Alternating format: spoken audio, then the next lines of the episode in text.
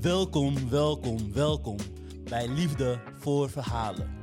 Waar woorden stralen en sprekers alles bepalen. Met Fouad Lekbier, En Luan Buleshkai Amsterdam West, op zijn best. een samenwerking van Spoken Stories. En de nieuwe liefde, yes, yes, yes. Vandaag gaan we in gesprek met Fenna Uliski, stadsdeelvoorzitter van Stadsdeel West. Daarnaast spreken wij Kautar Boeselicht, nummer 9 van GroenLinks. En tot slot spreken wij Quincy Gario, nummer 2 van Bijeen. En het thema dat centraal staat is politieke poëzie. Politicus moeten dit horen, denk ik. Voor een groter publiek. Ja, wacht, wacht even. Dat ik, is heel ik, relevant. ik ben politicus in spe. In spe.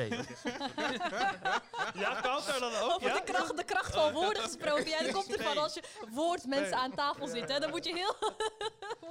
In spe. We zijn jullie dankbaar voor het kijken en luisteren naar de eerste aflevering. van liefde voor verhalen. Hebben jullie ideeën of willen jullie met ons in gesprek? Check onze social media kanalen. Dank jullie wel en tot snel.